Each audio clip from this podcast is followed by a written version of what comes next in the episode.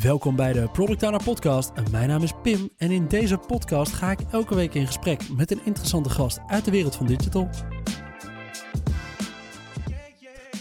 Vandaag spreek ik met Rutger, oud-militair en supply chain manager van Blokker, die nu werkt als consultancy manager bij Slimstock. Slimstock is de Europese marktleider op het gebied van voorraadoptimalisatie en forecasting. Rutger werkte de afgelopen jaren met veel teams en zag verschillende mensen komen en gaan. Maar hoe zorg je dat iemand die net is ingewerkt niet na 12 maanden weer denkt: ik ga op zoek naar een nieuwe uitdaging? In de huidige arbeidsmarkt is het relevanter dan ooit, want ook als product owner is het elke keer weer een grote uitdaging als iemand je team verlaat.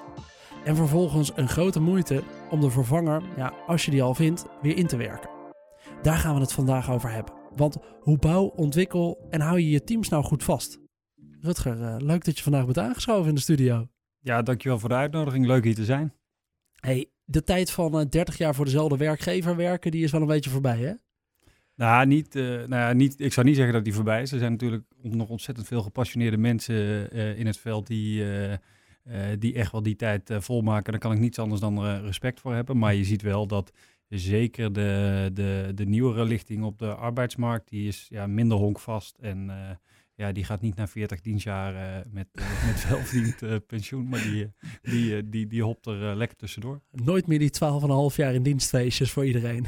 Nee, ja, nee, dat zal wel minder worden, denk ja, ik. Ja, die gaat er ja. wel uit. Vroeger kreeg je daar wel een vast, be, vast bedrag voor. En dan was je 12,5 jaar in dienst, toch? En dan mocht je je eigen borreltje geven op het werk. Ja, maar ik moet zeggen, bij, uh, bij Blokker, uh, waar ik dus wat jaren heb uh, mogen rondlopen, daar hebben we toch echt wel, tot zelfs 40 dienstjaren hebben we daar. die mooie recepties. Ja, ja, ja, daar kun je dan niet anders dan respect voor hebben. Als mensen liefde hebben en passie voor het vak, dan ja, dat, dat, alleen dan kun je het 40 jaar volmaken. Ja, wat zou de, de grootste aanjager ervoor zijn dat, uh, dat dat wat minder de standaard is geworden? De grootste aanjager, ja, ik denk dat de markt veel toegankelijker is geworden. Waar je vroeger zelf actief uh, ja. in de krant naar advertenties moest gaan zoeken, uh, heb je nu met LinkedIn, netwerkevents en, en een digitale wereld. heb je in een, in een halve klik ben je bij een ander bedrijf aan de rondneuzen en weten ze jou ook te vinden. Ja, nee, maar ik denk in één keer het goede antwoord. Ja, ik had er eigenlijk nog niet bij stilgestaan. Maar vroeger ging je inderdaad gewoon werken voor het bedrijf wat bij jou in de buurt zat. Want daar kon je makkelijk heen op het fietsje. En nou, mogelijk werd je nog eens een keertje gevraagd door een ander bedrijf wat dan iets verderop in de buurt zat die je kende. Maar ja, je zag niet alle bedrijven overal uh, voorbij komen, behalve in de krant. En ja, nu is het inderdaad uh, één search op uh, jouw functie en een woonplaats. En ja, je krijgt al, alleen al te zien welke bedrijven allemaal mensen zoeken. Ja, precies. Hey, ik vind het leuk dat je er vandaag bent. We gaan het hebben over ja, hoe dat nou eigenlijk zit als je, een, als je een team gaat bouwen. Dus ja, hoe werkt het nou eigenlijk als je nieuwe mensen binnenkrijgt? Hoe ga je ermee om als er mensen weggaan? En hoe zorg je ook dat mensen het leuk vinden om te blijven? Uh, wat gaat daarin vaak goed? Wat gaat daarin vaak fout? Uh, maar het lijkt me leuk om eventjes te starten op, uh, op het stukje van jouw loopbaan. Ik riep al eventjes inderdaad oud-militair. Ik riep al even blokker. Kun je me even meenemen in wat je de afgelopen jaren hebt gedaan? Ja, ik ben, uh, nou ja, school dat vroeger, ja, dat was niet zo'n hele goede, goede match. Uh, ik, ik deed altijd wat ik moest doen, en, uh, maar ook echt niet meer dan dat. Ja. en als het even kon, dan ook nog met tegenzin ook.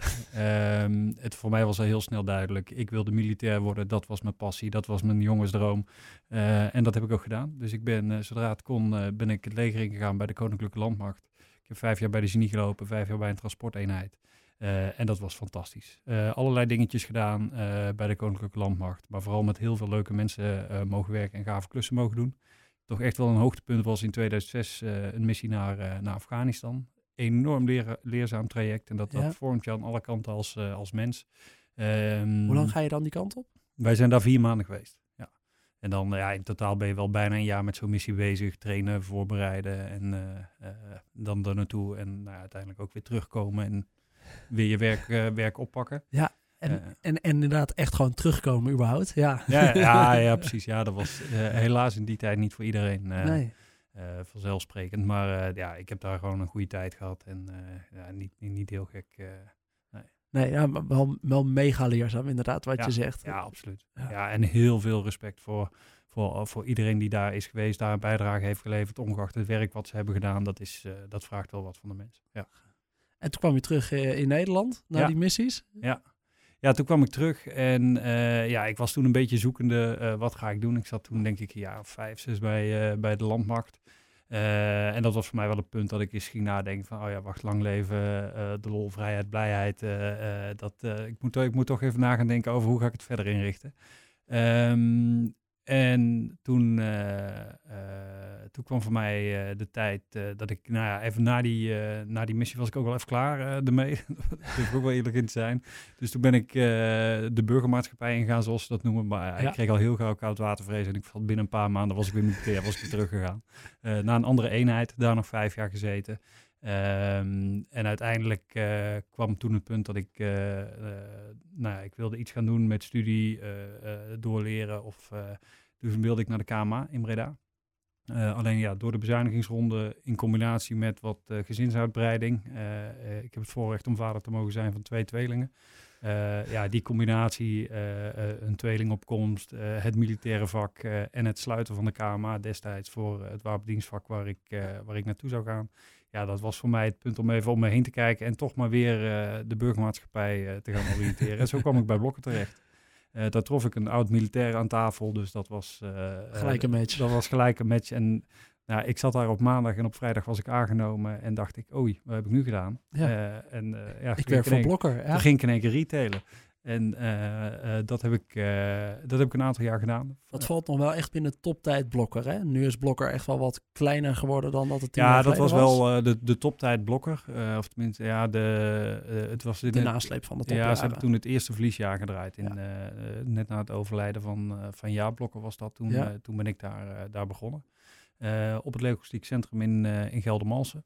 Uh, vanuit daar werd uh, Blokker Nederland, Blokker uh, België, Marskamer deels geloof ik, werd, werd bevoorraad. En ja, ze hadden daar een webshop opgestart. Ehm, dat hadden ze ingericht als winkeltje binnen het magazijn, zoals dat toen, toen veel ging. Ja, en daar hadden ze de grootste moeite om, uh, om die klantorders goed, uh, goed uit te leveren. het leveren aan je eindklant via een digitaal kanaal is totaal anders dan toen die tijd 900 uh, winkelverkooppunten Waar gewoon containers heen gingen en dan kwam het wel goed. Dat werd wel uitgepakt. Alle vrachtauto's op een vast routeboek die, die gingen rijden, dat werd uitgepakt en dat, dat kwam wel goed. En alle voorraad was binnen de keten. Dus ja, dat, Was, dat, dat, lag voldoende om, om de klant altijd wat mee te geven. Ja. Um, uh, en die webshop die groeide en die groeide zo hard. En ik, uh, ja, ik kon daarop meeliften. De, web, uh, de webshop die groeide al heel snel het magazijn uit. Toen zijn we naar PostNL e-commerce services gegaan. Daar heb ik denk ik een kleine twee, tweeënhalf jaar gezeten om de, de, de blokkerbelangen mee te behartigen. en uiteindelijk groeiden we ook daar het jasje uit. Toen hebben we het oude Maskraam DC omgebouwd naar e-fulfillment center onder de naam Retail Logistics. Vanuit daar zijn voor alle blokken holdingbedrijven, zijn alle e-commerce werkzaamheden zijn, uh, zijn verricht. Uh, ik heb me daar heel kort uh, met, het, met het inrichten van, van, van het pand en de verhuizing heb ik me bemoeid. En toen kwam de toenmalige supply directeur Koen van Doren met de vraag of ik naar Amsterdam wilde komen om de supply chain afdeling mee, mee op te richten. En dan met name de e-commerce tak. Uh, toen hebben we ook uh, nou ja, wat software implementaties gedaan uh, waar, ik, waar ik de lead in mocht nemen. en toen kwam na vijf jaar blokker, kwam daar weer, ja, weer zo'n vijf jaar is eigenlijk zo'n moment. Dat is een beetje jouw, ja, jouw strategie. is een beetje mijn, ja. ja. dus ik moet, kwam er van ja, wat, wat ga ik doen? Binnen blokker werd er een beetje van strategie gewijzigd. Daar voelde ik me ook niet altijd even gelukkig bij. En toen ben ik voor Slimstock gaan werken. Um, voor Slimstock uh, ben ik toen als uh, ja, customer care consultant aan de, aan de slag gegaan. Uh, naar wat leuke klanten toe gegaan, wat opleidingen gegeven. En nou, ook de, de Slimstock Academy die we nu nog hebben, mede verder mogen uitbouwen. Ja. en dat was fantastische tijd en ik had het daar helemaal naar mijn zin. en toen ging de telefoon. dat was Hans Danhoff. Die, ik heb, die was destijds consultant bij, uh, uh, bij Blokhoff. In, in, het, uh, in het transformatieteam zat hij. En samen met hem en nog iemand anders hebben we toen een onderzoek gedaan en een projectplan geschreven. En nou ja, dat is op de plank uh, beland en dat werd na een paar jaar werd dat uh, opgepakt. En zei, ja, maar jongens, dit, dit, dit, dit was is wel, een goed plan. dit was een goed plan. dus even, even heel snel een notendop. Maar ja. ja. en zo ben ik uiteindelijk naar een telefoontje van Hans. Die, ja, we gaan het plan uitvoeren. Maar daar hoor je wel bij. Ja, precies. Oh. Dus toen ben ik uh, terug, naar blokker. terug naar Blokker gegaan als supply chain manager. Wel ja, met, met een beetje pijn in mijn hart, want ik was toch echt wel onderdeel van de Slimstok-familie geworden. En dat is gewoon een fantastisch mooi bedrijf.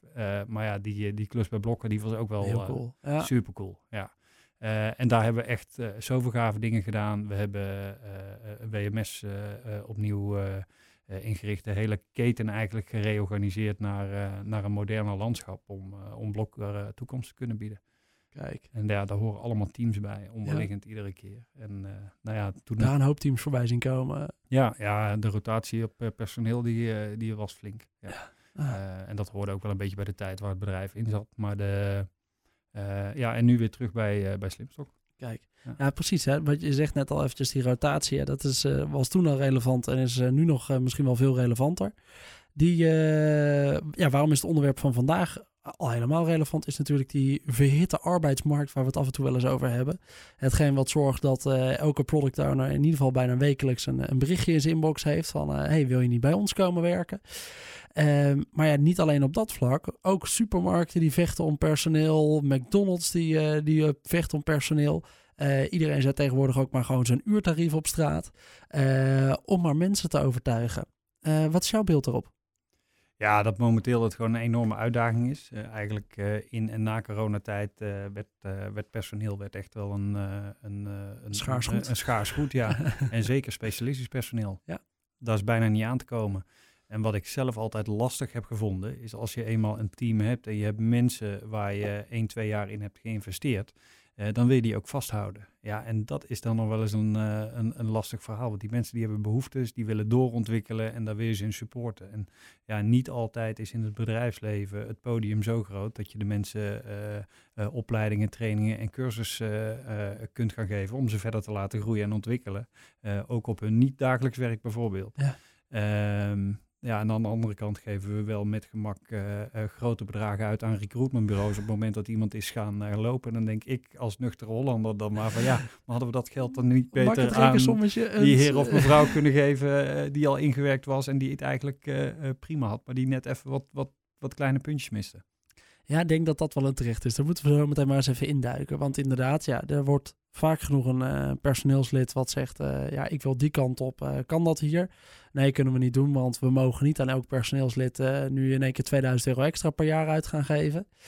Oké, nou dan ga ik verder kijken naar een andere uitdaging. Zo'n persoon vertrekt, weet dat ergens anders wel voor elkaar te krijgen. Ja, en dan moet je denk ik die plek gaan vullen. Ja, we weten ondertussen dat recruitmenttarieven de afgelopen jaren enorm veel verder zijn opgelopen naar 15, soms wel 20 procent van een jaarsalaris. Uh, wat er wordt betaald om specialistisch personeel op, uh, op hun plek te zetten. Ja, dat is inderdaad een rekensommetje wat niet voor, uh, wat voor iedereen te maken is. En wat waarschijnlijk dus ergens vasthangt in procedures. Omdat ze zeggen, ja, als we jou 2000 euro gaan geven, dan moeten we dat ook aan, aan Bart doen. En dan moeten we dat ook aan Suzanne doen. En ja, dat kunnen we niet maken. Ja, dat is wel, dat is wel een bijzonder probleem.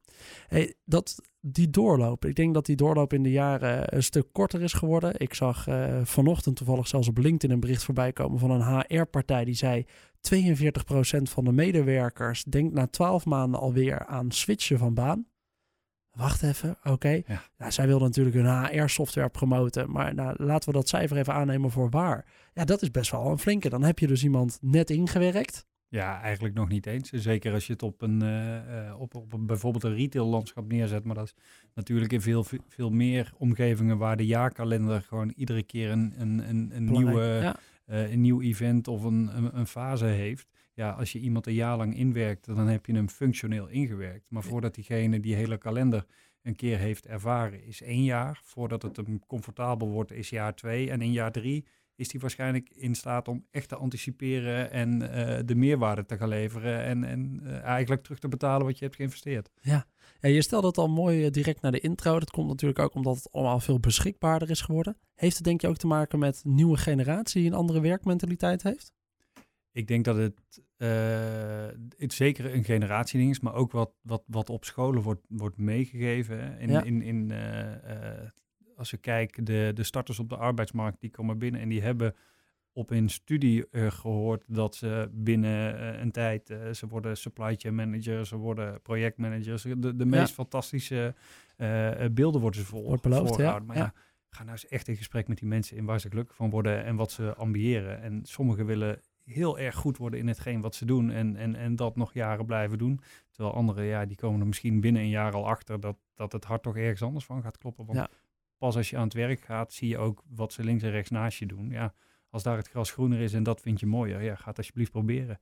Want ik Ja. geloof wel in alles wat je doet, dat moet je kunnen doen met passie. Want doe- kun je er geen passie, heb je er geen passie voor, dan, ja, dan ga je er ook niet eh, excellent in, eh, in zijn. Nee, precies, dat geloof ik wel. Ja, en inderdaad, hè, terecht hè, in je twintigersjaren, als je net van uit de studiebank komt, ga lekker ontdekken wat er inderdaad allemaal aan werkvlakken eh, Ja. te bieden is. Maar als werkgever ben je daar niet zo Nee, voorstander van. altijd- nee, nee, ik hoor het mezelf zeggen, denk ik ook van, nou, ja, Ja, klopt. als Ja. werkgever wil je iemand binnentrekken, eh, goed voor hem zorgen en hem vasthouden. Ja, maar wat is goed voor iemand zorgen? Dat is al een hele leuke vraag. Ja, iemand eh, in ieder geval denk ik begrijpen in wat voor hem goed zorgen is. Ja. Want in plaats van jouw eigen stelling aannemen van... ik vind dat ik goed voor mensen zorg als ik hun lunch betaal... en eh, ze elke dag om vijf uur netjes naar huis toe laat gaan. Ja. Terwijl iemand vindt het vaak helemaal niet erg als hij zijn eigen lunch mee moet nemen of even een stapje extra moet zetten. Ja. Sterker, ik denk, er komt weer dat stukje passie terug. Als je maar passie hebt voor wat je doet, ja, dan ga je wel lopen. Ja, dat, dat, eh, dat geloof ik. Hey, en ja, inderdaad, je noemt het al vanuit, eh, vanuit opleidingen. Ik, ja, ik denk dat je in de afgelopen jaren ook wel vaker gestimuleerd wordt om, eh, om te switchen. Ik denk dat veel onderzoeken, ook die ik ben tegengekomen door de tijd heen, vaak zeggen... ja, je moet elke zoveel jaar switchen als je uiteindelijk het meeste wil verdienen. Ja, precies. Stijgende salarissen zijn ook zo'n ding. Is ook als zo. ik, eh, als je even kijkt hoe in de afgelopen Ja. jaren de salarissen aan het stijgen zijn, waar ik een aantal jaar geleden mensen op aannam en waar ik ze nu op recent op heb aangenomen. Ja, dat zijn wel andere tarieven. Dus daar, Ja. eh, dat heeft natuurlijk ook mee te maken. Dus als iemand ja, daar gewoon met, eh, eh, met, met een vacature voor je neus komt wapperen en daar staat een ander bedrag op dan wat je nu verdient, ja, dan wordt het wel heel verleidelijk. Want iedereen wil zijn hypotheek, iedereen wil op vakantie en ja, je werkt uiteindelijk voor, voor hetgeen wat het binnenbrengt. Ja, ja ergens wel, ja. Ehm, en inderdaad, maar bijvoorbeeld mensen die dus eerder zijn aangenomen op het oude salaris. Er worden nieuwe mensen aangenomen op een nieuw salaris. Hoe gaat het dan met die oude mensen? Maken die ook kans om in die huidige salarisstroken? Of is dat, valt dat heel anders bij elkaar en moeten kijk, eigenlijk die mensen ook switchen? Om Ik wil, dat- ik wil altijd gewoon een goede vlootschouw hebben en Ja. dat het een eerlijk salarishuis is. Ja. Daar heb ik in het verleden echt wel intern discussie over gehad. Van ja, maar moet je nu iemand salaris gaan eh, verhoging gaan geven omdat zijn buurman meer of, eh, of minder verdient? Ja, ik vind van wel. Alleen maar uit respect naar die medewerker. Hè? En eh, ja, ik ben Om een hem enorm- vast te houden. Ja. ja, ik ben een enorm voorstander gewoon van een transparant eh, salarishuis. eh, Ja. Zoals jullie dat be- bijvoorbeeld hebben. hè. Precies. Ja, bij, bij ons kun je het salarishuis op de website Op de vinden. website vinden. Zie je gewoon. Je dit kan je zo vinden wat ik. je dat? ja, precies. Je kan zo vinden wat ik verdien. Ja, maar het is toch fantastisch. Nooit discussie en het is niet degene die het beste kan onderhandelen dat die het meest verdient. Want je ziet het wel, hè. mensen die echt gewoon met een mondje vooraan staan en goed kunnen onderhandelen. Ja. Je komt, soms verdienen ze gewoon twee keer meer dan iemand in dezelfde functie. Ja, ik vind het niet kunnen. Ja, nee, dat, is, eh, dat blijft belachelijk. Ja. Hey, als het nou gaat om het, eh, om het bouwen van een team, want je hebt inderdaad vanuit een zeker een defensie, eh, defensie-achtergrond, daar leer je ook op een andere manier wel misschien wel met teams omgaan. Hoe leer je bij defensie met teams bouwen? Nou, ik, kijk, ik denk dat Defensie als organisatie daar gewoon extreem goed in is. Mede door het werk wat ze doen. En eh, eh, ze hebben daar ook wel wat middelen die, eh, en, en technieken voor. Hardere middelen dan dat je Ja, bij blokker zet je niet iedereen in een rijtje om allemaal push-ups te doen als het verkeerd is gedaan. Nee, maar gewoon, ik denk, het is wel, kijk, neem dat, dat is nou een mooi voorbeeld. Als je militaire dienst ziet, dan ga je op appel en dan sta je iedere ochtend sta je daar keurig in de houding en te groeten en dat, dat, zo start je de dag op. Maar je staat daar wel allemaal, ongeacht van, van rang of eh, wie je bent. Iedereen staat daar als het regent, iedereen staat daar in de regen. En dat doe je met elkaar. Dus je bent allemaal in die zin gelijk, ondanks dat er een enorme eh, eh, rangorde aan verschil tussen zit. Ehm, en bij Defensie heb je, nou ja, in vredestijd is het, eh, als je niet op missie bent, dan is het een organisatie dat als je nou iets wil bereiken, heb je 25 handtekeningen nodig. Maar juist op, in, in missiegebieden, ja, dan volgens mij zijn de Nederlandse militairen een prachtig voorbeeld van hoe je kunt, eh, kunt handelen en kunt samenwerken. En een hele belangrijke basis daarvoor is vertrouwen in Ja. degene die links en rechts naast je staat, eh, om daarmee samen te willen werken. Dus je, je, eh, ze hadden destijds die slogan één team, één taak. Ja, ik vind hem nog steeds fantastisch en ik leen hem af en toe nog. Want op het moment dat je maar zorgt dat een team een eenheid is, dan gaan mensen gaten voor elkaar heeft. dichtlopen. Ja, Ja, een beetje dezelfde visie eh, hebben en geloven in de opdracht. Dus vertel ook waarom je dingen aan het doen bent. En ga pas directief te werk als het echt nodig is. Want een team heeft gewoon een leider nodig. Dat is heel simpel. Alleen die hoeft die leiderschapskwaliteiten niet elk moment van de dag in te zetten. Dus wanneer je gewoon vanuit het collectief zelfsturend en dat soort zaken kunt werken op basis van, van vertrouwen, dan komt dat echt wel goed. Maar op het moment dat het wel even moet, je hebt een deadline of je, je resultaat komt onder druk te staan, ja, dan geloof ik ook wel echt erin dat je af en toe wel uh, de directieve stempel mag, moet drukken. Ja. Uh, en het initiatief moet nemen. Dat is het allerbelangrijkste. Als je geen initiatief neemt, ja, als je niks doet, dan verandert er ook niks. Ja, ja, bij ons als uh, product owners wordt er vaak op gestuurd dat we echt bezig moeten zijn met productontwikkeling. Ons niet moeten bezighouden met het stukje budgettering of met deadlines. Want ja, als je gaat focussen op een deadline, dan ga je waarschijnlijk iets moeten compenseren in hoe goed je product is, wat je kan opleveren. Maar we zien ook eigenlijk wel door de jaren heen dat ja, de product manager daar bijvoorbeeld wel meer mee bezig moet zijn om ook wat te focussen op het budget en de tijd die er ligt. Maar ja, uiteindelijk snappen we ook allemaal wel dat ja, als je dat niet goed weet mee te nemen in je, in je verhaal als product owner en daar nul rekening mee wil houden, ja, dan gaat je product of je bedrijf er uiteindelijk op achteruit. Uh, dus daarin sta ik inderdaad wel ja, ergens in diezelfde visie. Ja, dan, je moet mensen ook wel gewoon erbij bij de kar trekken als het erom gaat. Hé hey jongens, als we dit niet halen, uh, dan hebben we ook een probleem, zeg maar. En dit is de visie waarop we sturen. Dat is het droombeeld. Maar als we het niet halen, ja, dan ja, en belangrijk zit hem, uh, zit hem in je woordkeuze. Want je zegt het al heel goed, dan hebben we ook een probleem. Ja. Uh, hoe vaak is het dat een, een, een manager of teamleider, dat die gaat zeggen, dan heb ik een probleem. Ja. Of dan heb jij een probleem. Ja, ja, dan gaat het fout. Ja, ik geloof dus uh, heilig dat doe ik op, uh, op al mijn projecten of alle producten waaraan ik uh, mag werken. zorg ik eigenlijk voor een wekelijkse update voor iedereen. En ook zeker als er veel externe teams bij zitten. En daar deel ik altijd mijn buikpijn. En met buikpijn delen eh, wil ik eigenlijk altijd zorgen dat niemand denkt: hé, hey, dat is het probleem van Pim. Laat Pim het maar oplossen. Of dat is het probleem van die club die erin zit. Nee, als we nou wekelijks met elkaar goed weten te spiegelen wat nou de buikpijn is die daar ligt, dan is dat ons gezamenlijke probleem. En dan weten we het ook op tijd en dan hou je het niet voor jezelf en dan zeg je niet, ja, ja het is mijn probleem dat we arbeid tekort krijgen. Nee, het is ons probleem dat we handen tekort hebben want daardoor moeten we allemaal tien stappen bijzetten. Laten we allemaal eens even nadenken hoe we nou kunnen zorgen dat we niet extra handjes nodig hebben. Of hoe we die extra handjes gevuld krijgen. Slimmer organiseren. Ja, precies. Ja. maar goed, ik vind buikpijn een leuke, mooie, woord, passende woordkeuze. Spreek meteen tot de verbeelding. Ja. gewoon, dit, is, dit is bij buikpijn, hier zit ik bij vast. Hey, en het, eh, het vasthouden van een team, heb je daar uh, goede tips voor, wat je door de jaren heen hebt gezien? Ja, kijk, vasthouden van een, van een team, dat gaat eigenlijk vanzelf als je echt van een team kunt spreken. Dus ik zeg, uh, work hard, play hard is, een, is zo'n one-liner, maar wel belangrijk. Ga af en toe een keer bier drinken met elkaar en, uh, en leuke gekke dingen doen.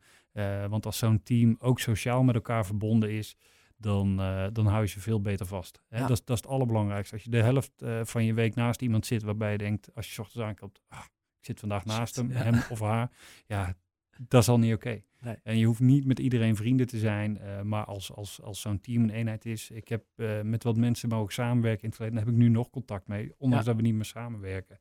En dat wil ook niet eens zeggen dat het, dat het echt je vrienden zijn, maar het is wel dat zijn wel mensen, als je ze nu belt, dan weet je ook dan... Uh, uh, en, en die bellen, dat is dus nog steeds af en toe één, twee, drie keer per jaar een telefoontje. Als ze ergens mee zitten of ik zit ergens mee, dan bel je elkaar op. En dan heb je gewoon even een goede sparringspartner. En daar is dan een, een, een basis van vertrouwen zit daaronder. Ja. En dat is goed. En ik denk als je dat weet te bereiken, dus dat er, uh, dat er echt teamgevoel is, dat mensen ook wel oprecht betrokken zijn met elkaar, dat dat al een heel belangrijk fundament is. En, en verder, maak alles bespreekbaar. Dus als iemand zich anders wil oriënteren, ja, hoe fijn is het dat dan als hij dat met jou kan delen en dat gewoon kan bespreken en je niet meteen in de paniek schiet dat hij weggaat. Nou ja, goed, als iemands hart ergens anders ligt, ja, dan kun je één fout maken en dat is hem dwingen om te blijven met, uh, met extra euro's of, uh, of wat dan ook. Ja. Uh, je wil iemand verder helpen in, in zijn persoonlijke ontwikkeling en je wil je eigen team of afdeling ook verder helpen te groeien. Um, en daar moet je een balans, uh, balans in zoeken. En uh, bijvoorbeeld bij Blokker was het, had ik twee jongens die waren echt goed in wat ze deden. Maar die hadden ook zoiets van, ja, we hebben het, nou ja, een beetje, de vernieuwing is er wel een beetje uit. En we doen het werk niet met tegenzin. Maar nou ja, als er iets bij zit, dat, dat zou wel cool zijn. die hebben we op een gegeven moment voor een, voor een zusterbedrijf van Blokker hebben we die, wat, die zaten wat, wat in het nauw en die hadden het wat moeilijk. Dus die heb ik gewoon voor, voor een ander bedrijf hebben we die wat, wat klussen laten doen. Ja. Uh, en die laaiden weer helemaal op. Die werden daardoor uitgedaagd. Die, uh, die moesten weer zoeken naar oplossingen in plaats van het ja, uh, nou ja, en ze kwamen met een beetje senioriteit kwamen ze, kwamen ze binnen. Want zij hadden, nou, ze hadden wel wat goede ideeën en ervaringen al opgedaan. En daar konden ze iemand mee helpen. En, nou, en nou, die werken nu nog steeds op diezelfde plek en zijn nog steeds happy. En nou ja, de mensen die ze geholpen zijn, zijn ook helemaal vol of over ze. Dus ze voelen zich gewaardeerd. Ja. Uh, en uh, nou ja, zo op die manier mensen wat, wat, wat extra verantwoordelijkheid uh, toedichten. Ja, en dat maakt uiteindelijk voor jou als, als teamleider of manager het, weer, het leven ook weer wat makkelijker. Ja. Want ik probeerde wel altijd overal de, mijn pionnetjes uit te zetten. Dat, dat je overal je, je specialisme wel, wel goed hebt afgedekt. Ja, ik denk dat dat een hele terechte is. Hè? Dus het, uiteindelijk ligt de, de kern van zo'n team bouwen en, en goed vasthouden uh, ergens in het altijd willen begrijpen van de menskant ervan. Ja, je kan niet meer zeggen, dit is, zo'n, dit is mijn team en ze werken maar voor me en dit is de, de groep waarmee we het moeten doen. Het is ook, zeker ook als product owner, ja, hou je niet alleen maar tot het product, maar probeer ook die mensen te bereiken. Schuif het niet alleen maar af op de HR-afdeling en ja, zeg, Oh, oh je, je zit ergens mee? Ja, is, ah, moet je even, even HR bellen. Ja, het die helpt je echt leuk, graag hè? verder. Uh, uh, zo, een verplichte beoordelingscycli. Ja. Ja, ik, ik, ik heb zelf, alle, alle HR-mensen gaan een beetje boos worden. Maar ik krijg er echt jeuk van. Want uh, je vaste bilaatje. En ja, nou, dat vind ik dan wel belangrijk. maar ja. als dat een keer geskipt wordt, vind ik het ook niet, niet erg. Als je maar wel de tijd neemt om met elkaar te praten. Dus zowel functioneel als, als op, op persoonlijk niveau. Uh, maar zo'n vaste beoordeelcycli, ja. ja, zeker op het moment dat de klik er niet is tussen een manager en een van zijn medewerkers, moet je dan eens een beoordeling gaan. Wat een waste of time is dat zeg. Uh, Samen even een uurtje opgesloten zitten. ja. Nou, ik heb eens even na zitten denken over hoe jij je werk eigenlijk ja, doet. Ja. Wel, ja, en diegene die is helemaal niet ontvankelijk voor wat diegene gaat vertellen, want die denkt, ja, pannenkoek, hey, het is goed. Voor, jou, voor jou hoef ik helemaal niks te horen. Dus, dus alleen daarvoor al, om een goed uh, functioneringsbeoordelingsgesprek uh, uh, te kunnen hebben, is het al belangrijk dat je gewoon een team hebt waarbij je gewoon respect hebt voor elkaar. En de ene is goed in het een, de ander goed in het ander. Laat hem er dan ook goed in zijn en geef, ook al is het jouw verantwoordelijkheid, jouw stukje werk, als iemand daar beter in is en je daarin kan helpen, ja, geef hem al die credits en, en probeer van hem te leren. Ja. En, maar ben niet bang dat iemand aan je stoelpoten gaat zagen of zo. Dus weet je... Ook een hele terechte. Wees niet bang dat, er heel, dat iemand anders aan je stoelpoten gaat zitten ja, zagen. Ja, dit is een, voorbeeld die ik... Uh, ik zie dat toevallig bij mijn vriendin op de werk... waar ze aan het slag was en dan uh, een hele presentatie een dag mee bezig is... om dat onderwerp goed uitgelegd te krijgen voor het MT. En dan kan die die kant op. En dan al een afspraak heeft ingeschoten om dat te gaan presenteren... en dat de managementlaag die daar dan tussen zit zegt... oh nee, maar ik zal die presentatie wel even ja, doen. Precies. Stuur ja. maar naar me op. Ik pak het vanaf hier wel over. Zo. Hey, dan krijg je ontmoedigde ja. medewerkers. Nou ja, terwijl, en terwijl als je dat juist andersom Stimuleert. doet, ik kom... ga mee, geef ja. iemand het vertrouwen dat het een goed verhaal is. Want als jouw medewerkers het goed doen en een succes neerzetten... Dan doe jij het toch ook goed? Dan doe jij je werk fantastisch. Uh, nou, je kan dus ook inderdaad dus gewoon tegen iemand zeggen... nee, nee, ik neem het vanaf hier wel over, ja. dankjewel voor... Ja, ja. Ah, als, je, als je wil stimuleren dat je een hoge doorloop van uh, personeel hebt... Ja, dan, dan, zijn dit wel de, de goede trucjes. Ja. Nee, ge geef, iedereen, uh, geef iedereen zijn shine. En ja, ik denk dat je in de, in de categorie van de, de, de PO's die dit luisteren... Ja, je, je neemt wel ownership over je product... maar neem ook ownership over de mensen die in jouw team ja, zitten. Ja. Dus, uh, dus neem, ga met hun ook het, het betere gesprek aan en stuur ze niet naar HR toe voor het minste of geringste. Uh, maar probeer ze aan de hand te nemen. En zeker als er wordt gezegd: hey, ja, ik ben eigenlijk meer op zoek naar een uitdaging in deze richting. Zie dat niet als een belediging voor jouw afdeling dat die niet meer goed is. Maar ja, ja gun die persoon zijn ontwikkeling en uh, gun hem een moment om, uh, om door te kunnen groeien. Ja, kijk, er zit natuurlijk altijd een balans tussen vrijheid, blijheid en werk moet gedaan worden. Werk moet gedaan worden, ook de dingen die minder leuk zijn. Hè? Dus, dus dan, dan ben ik wel weer de directief. Zeg ja, ja. jongens, nu even niet zeuren en en gewoon uitvoeren. Maar de, er moet een balans zijn. Ja. En dat moet, ja, volgens mij voelt iedereen wel aan wat, wat, wat reëel is en wat, wat vooral ook niet. Ja, hoe bepaal je wanneer je directief moet zijn? Ik hoor hem je een paar keer zeggen. Ja, voor mij is dat resultaatgericht. Maar dat is voor mij heel makkelijk. Als ik uh, ja. zo'n zo kleurentest doe, dan, uh, dan komt hij hier behoorlijk rood eruit. uh, maar dat is resultaatgericht. Als het resultaat onder druk komt of, of, of er is gewoon wat gemor in zo'n team of wat dan ook. En, en mensen worden het niet eens. Ja. ja dan komt er een punt dat je zegt van oké, okay, ik hoor alle verhalen aan en dit gaan we doen. Ik probeer het dan ook wel uit te leggen en te verklaren waarom. Als de tijd er niet is, ja, dan gaan we gewoon die richting op die we zeggen. En dan leg ik het daarna wel uit. Eh, maar zo'n team moet jou ook het vertrouwen willen geven. en Dat je de goede moet keuze samen- maakt. Dat je de goede keuze maakt. En dan van, oké, ik twijfel, maar ja, dan gaan we dat wel doen. En dan uiteindelijk, en dat is ook een, een, een defensieding, je daarna wel even erover praten. Weet je, wat Ja. is er nu gebeurd? Waarom heb ik de keuzes gemaakt die ik heb gemaakt? En Ja. wat deed dat met jou? Wat deed dat met mij? Weet je, daar leer je dan samen ook van. En als je dat gesprek dan maar eh, kunt voeren met mensen. En daar, weet je, als je maar eerlijk bent daarin, dan, dan komt het altijd wel goed. Ja, en eh, nou ja, we hebben het ondertussen, we zijn een beetje die personeelsflow hè, met je team aan het afwerken. We hebben ja, mensen die gaan, wat zijn nou hun redenen, hoe zorg je dat ze eigenlijk blijven? We hebben het, het team bouwen, hoe zorg je dat ze goed bij elkaar blijven? Ja, dan heb je nog de instroom van mensen. Ja. Hoe eh, kun je me even meenemen in de, de, in de instroom van mensen, de, het aannemen en, eh, en dergelijke? ik probeer zelf bij het aannemen veel minder te kijken naar wat iemand nou kan en al bewezen heeft, maar gewoon past die in dat team. Ik vind het veel belangrijker dat je, eh, dat, dat je verschillende competenties in het team krijgt, maar dat het team ook gewoon wel eh, verbonden is. Dus ik vind het ook altijd heel fijn om iemand uit het team eh, te betrekken in het sollicitatiegesprek. Want ja, dat is uiteindelijk degene die, waarvan ik niet wil dat hij, als hij ernaast zit, dat hij denkt van ja, daar zit ik weer een dag. Ehm, eh, dus, dus, dus, dus fijne mensen verzamelen om je heen, dat, dat is al een belangrijke. En verder, ja, wat me vaak verbaast, en nou ja, ik moet ook kleur bekennen, want het is mij ook niet altijd gelukt met mijn eigen teams, maar dat als mensen dan binnenkomen, dan worden ze ingewerkt, worden ze naast de medewerker gezet en dan, dan gaan ze aan de slag. Eh, en dan mogen, ze, eh, eh, dan mogen ze fantastische dingen doen. En dan mogen ze een hoop geld uitgeven voor een bedrijf of beslissingen nemen die over best veel geld gaan. Dat kan allemaal. Ja.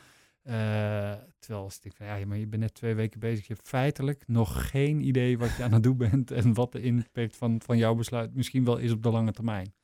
Dus ik zou het altijd heel fijn vinden als iemand binnenkomt, zich even twee weken opsluit en gewoon eerst eens gaat analyseren en gaat kijken. En dan, dan, dan ik eh, in, in mijn weer van oké, maar wat zijn, da- is dan mijn netwerk? Wat voor, eh, voor, voor producten, leveranciers en dat soort zaken heb ik? Wat, wat is de, de, eh, de strategie van een bedrijf en hoe kan ik daar mijn bijdrage aan leveren vanuit mijn werkveld? Dat als je eerst dat soort antwoorden kunt geven en je gaat dan aan het werk, dan neem je waarschijnlijk hele andere beslissingen dan wanneer ergens een rood lampje in een systeem gaat branden en zeggen wa- wat je dan vertelt dat je iets moet gaan doen. Ik denk dat je, je moet hem eigenlijk even inderdaad in twee eh, stukken opsplitsen. Je hebt de ene zijde natuurlijk het aannemen van de mensen en Ja. inderdaad de- aan de andere kant het inwerken van de mensen. Ja. Eh, op dat stukje aannemen van mensen. Kijk, we zitten in die, die verhitte arbeidsmarkt, zoals we het wel eens noemen. Of eh, zoals het in tech vaak wordt genoemd, de war on talent. Ja, ja. ja. Hey, dat, dat stukje aannemen, eh, hoe zit het op het moment? Je krijgt, als je nu nieuwe mensen zoekt voor een team, hoe krijg jij die eh, aangeleverd? Gaan er dan recruiters voor je op pad? Of, eh, Ja, is een combinatie van beide. Ik, ik vraag altijd mensen uit mijn netwerk, eh, joh, weet je nog iemand of wat? Want nou ja, die weten ook wel wat voor persoon ik ben, wat voor bedrijf ik, ik voor werk en wat voor mens daar dus bij past en wat ook totaal niet. En we maken, ja, gewoon omdat het soms lang duurt, gebruik van recruitmentbureaus. Alleen ja, hoe goed die bureaus ook hun best doen, ehm, de, de, de score op, eh, om mensen aan te nemen is daar echt wel, eh, wel, eh, wel lager. een mooi voorbeeld is, ik heb de afgelopen, bij wat vacatures openstaan. Ik denk dat ik ja, 10, 15 gesprekken zeker gevoerd heb in de Zo. afgelopen twee, drie maanden. Ik heb twee mensen gesproken die kwamen vanuit ons netwerk, werden de- op een aanbeveling. Eh, en de rest kwam via recruitmentbureaus. Ja, ik heb die twee die uit het netwerk kwamen, die zijn aangenomen.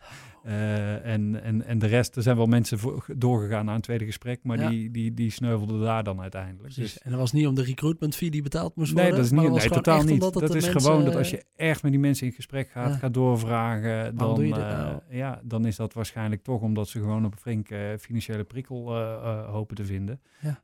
Want over het algemeen in deze tijd, als jij als werkzoekende een recruiter nodig hebt, Ja.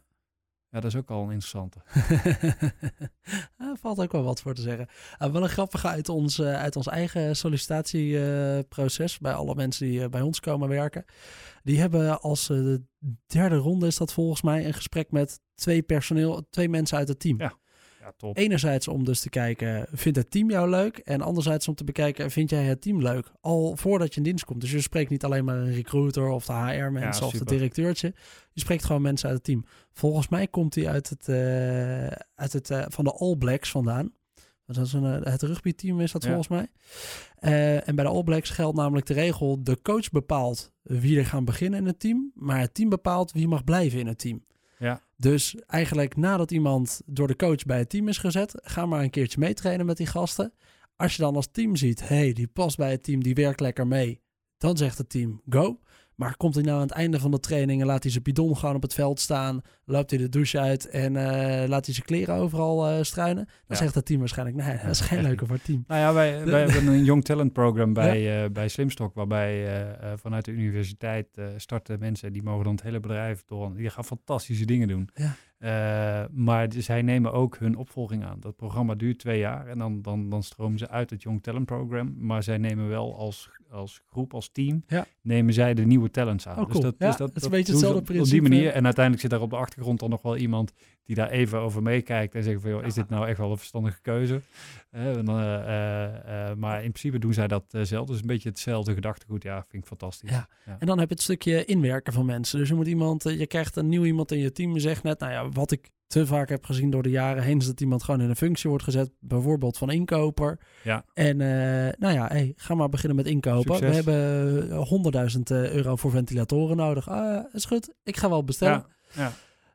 Ja en Dat dan krijg je, eh, dan kunnen er twee dingen ontstaan. Ja. Ja. Nou ja, als, als iemand dan eh, eh, in dit geval die inkoper, als die al wat ervaring heeft, dan gaat hij doen wat hij deed bij zijn vorige baas. Dan pakt hij zijn, zijn lijstje met leveranciers en daar gaat hij, gaat hij naartoe.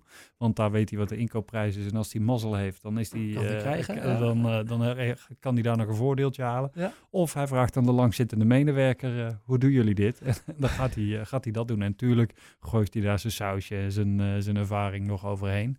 Ehm, eh, maar wat wij bijvoorbeeld eh, eh, vanuit Blokker deden, als er mensen bij ons kwamen, we gebruikten een, een redelijk geavanceerd softwarepakket.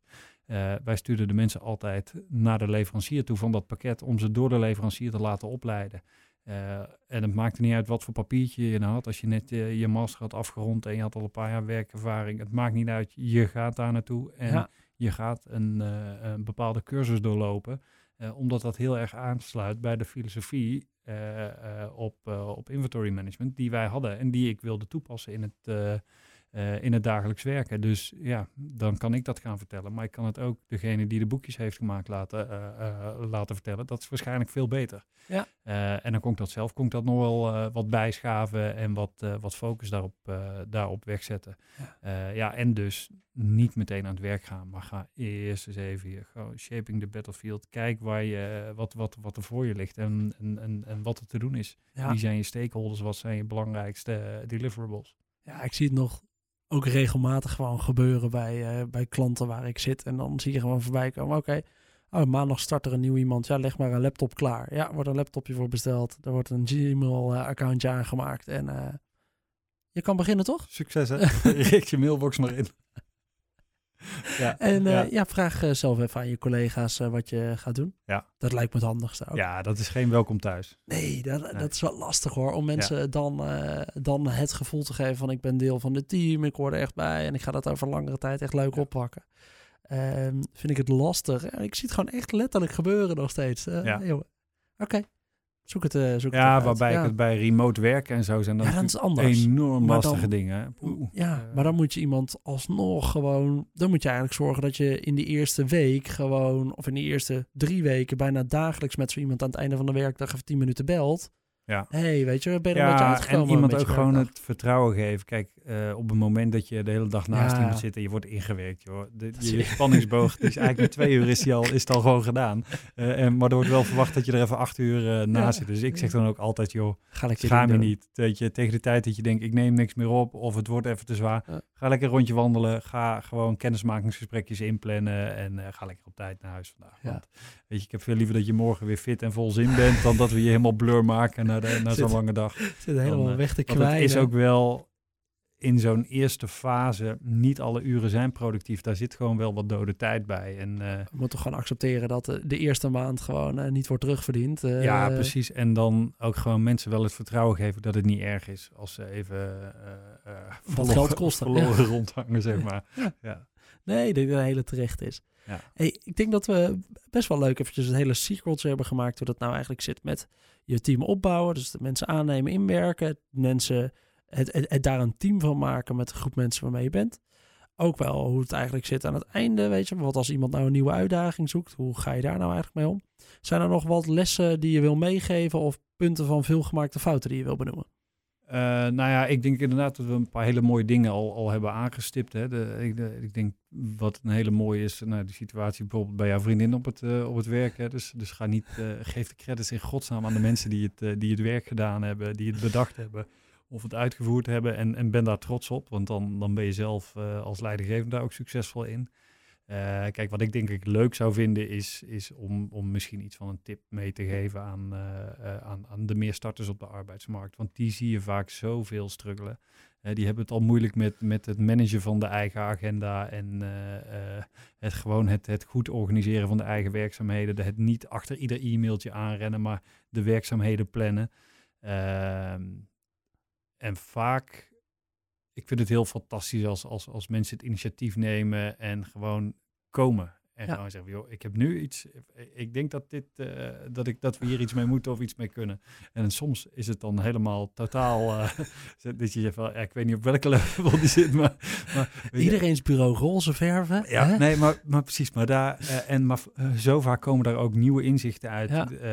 waar je zelf echt ook, ook mee geholpen bent. En hoe gaaf is het dan iemand als iemand trots wordt op zijn eigen werk. Ja. Dus, dus de omgeving creëren waarin dat kan en mag en ook, ook, ook nou, ik wil fouten gemaakt, fouten gemaakt moeten worden. Uh, ja. Ik maak, maak er even het woordje moeten van. Ja. ja, dat doen. Maar durf ook als je ergens start, ja, durf ook gewoon je hand op te steken. Neem het initiatief, stap naar voren en uh, stel gewoon alle vragen.